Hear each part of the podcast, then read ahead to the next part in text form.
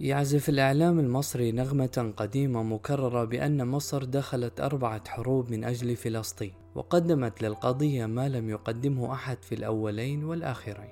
ثم يخلصون إلى المراد فيقولون بأن واجب المرحلة هو الالتفات للمصالح الوطنية والتي تقتضي طبعا التعاون مع إسرائيل.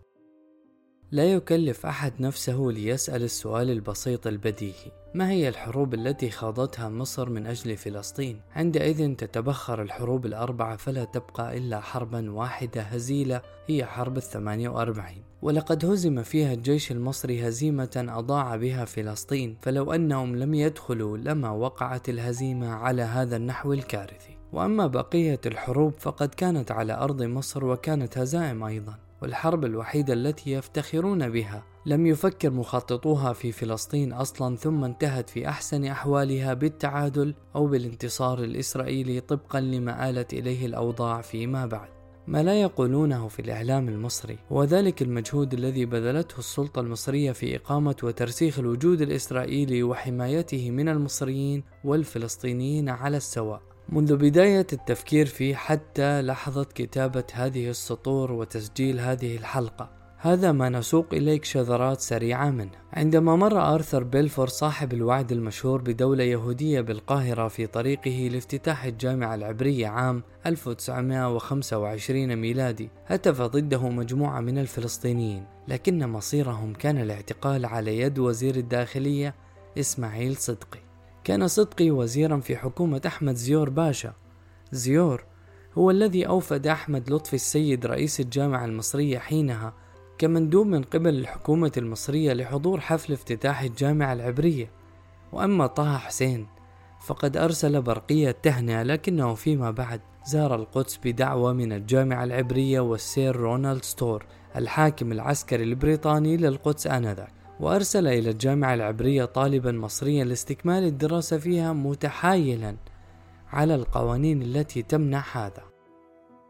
وحين اشتعلت ثورة البراق في فلسطين عام 1929 وقفت الحكومة المصرية برئاسة محمد محمود باشا ضد ثورتهم وهددت صحيفة السياسة التي هي لسان الحكومة حينها للفلسطينيين في مصر بالطرد لأنهم يثيرون الفتنة الطائفية ويهيجون الرأي العام. وفي 1930 شن إسماعيل صدقي رئيس الوزراء الجديد حملة واسعة ضد الحركة الوطنية المصرية فكان من بينها إغلاقه جريدة الشورى الفلسطينية التي كانت تصدر في مصر فيما بقيت صحيفة إسرائيل لم يمسسها سوء وكانت الصحيفة الناطقة باسم الحركة الصهيونية ثم شاركت حكومة صدقي في معرض تل أبيب الصهيوني ربيع العام 32 ضاربة عرض الحائط بالنداءات المعارضة ثم عادت معروضاتها كما هي لم يبع منها شيء إذ قاطع الفلسطينيون المعرض ولم يشتري اليهود منها شيء. وفي ذروة الثورة الفلسطينية الكبرى عام 36 والتي بدأت بالإضراب العام الكبير وافق مصطفى النحاس على سفر مئات العمال المصريين إلى فلسطين لسد العجز الذي تسبب فيه الإضراب. ولما ذهب محمد محمود رئيس الوزراء إلى أوروبا عام 38 وسأله محرر الديلي ميل عن نواياه في مسألة فلسطين ضمن مفاوضاته مع الإنجليز فرد عليه قائلا أنا رئيس وزراء مصر ولست رئيس وزراء فلسطين.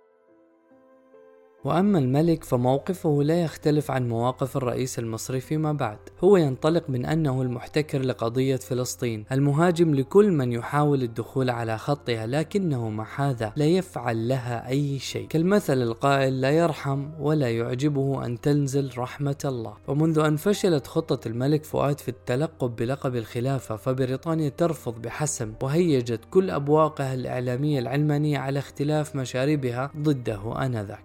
نفسه من كل سياق إسلامي ورفض الاشتراك في المؤتمر الإسلامي عام 31 في القدس وكان موقفه كما عبرت عنه صحيفة القصر الاتحاد هو وجوب انتقال الداعين للمؤتمر إلى مصر لمقابلة أهل الحل والعقد فيها والاتفاق على طريقة الاجتماع وتحديد موعده ووضع برنامجه. ولقد كانت الصحافة المصرية تشهد الأصوات نفسها التي نراها الآن في الإعلام المصري. ففي أثناء ثورة البراق كتب عبد الله عنان في جريدة السياسة الأسبوعية يستنكر أسلوب العنف الذي لجأ إليه الشعب الفلسطيني ونصح كل من العرب واليهود بالاعتدال وضبط النفس ودعا العرب إلى الاتحاد والجهاد السلمي المستمر كما دعا اليهود إلى طمأنة العرب بأن وطنهم القومي ما هو إلا معنى متواضع وفي دائرة محدودة وأنه ينشد إقامة الوئام والتفاهم مع أصحاب البلاد ومثله تكلم محمد حسين هيكل. وقد تناغمت الصحافة الإسرائيلية مع هذا الخطاب تماما كما يتناغمون الآن مع يوسف زيدان مثلا. فأرسلت صحيفة هآرتس ردا نشرته صحيفة السياسة تؤكد فيه أسفها الشديد لأنها أول مرة فقط تسمع صوتا مستنيرا في العالم الإسلامي. يشذب سياسة العنف التي يسلكها الشعب الفلسطيني لتحقيق أمانيه. وردت صحيفة إسرائيل على مقال حسين هيكل واصفاه إياه بأنه خير ما كتب إلى الآن باللغة العربية بأسلوب بريء من الهوى وروح الإخلاص. وقد تبنت جريدة السياسة أسلوب النضال السلمي والقانوني واللجوء إلى التحكيم الدولي وترك العنف. ومن ثم أخذت في مهاجمة حركة المقاومة الفلسطينية وصارت ترمي قياداتها بافتقادها لشروط الزعامة وبأنها تضم خليطا من العناصر المفككة المتناقضة وأنه ليس لديها برنامج وطني واضح.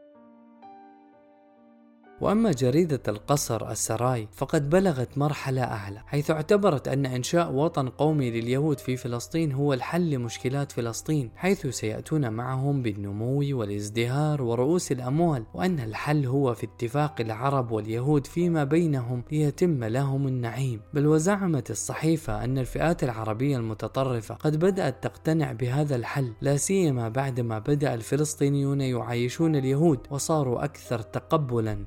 للتفاهم معه الحرب الوحيدة التي يمكن القول بأن مصر خاضتها لأجل فلسطين هي حرب الثمانية وأربعين وقد كان إنجاز الجيش المصري العظيم فيها أنه انطلق بلا عدة ولا خطة ولا معلومات توغل إلى تل أبيب بلا مقاومة. ثم جاء اليهود من خلفه فحاصروه وقطعوا الإمدادات عنه فبقي محاصرا حتى جاءته أوامر الانسحاب فانسحب. وأثناء الحصار استولى على الأقوات والطعام والممتلكات من أهل القرى وجردهم من سلاحهم فتركهم عزلا أمام اليهود. ثم هو لم يدخل إلا بعد 15 مايو أي بعد إعلان إسرائيل تحت سمع بريطانيا وبصرها. فالخلاصة أنه دخل وخرج ليتمم الهزيمة ويرسخ الوجود الإسرائيلي ويعود إلى دوره الجديد ممارسة الانقلابات حيث سيقود عبد الناصر انقلابا وهو يرفع شعار فلسطين ليسحق البلاد والعباد ثم يموت وقد ترك إسرائيل عند قناة السويس.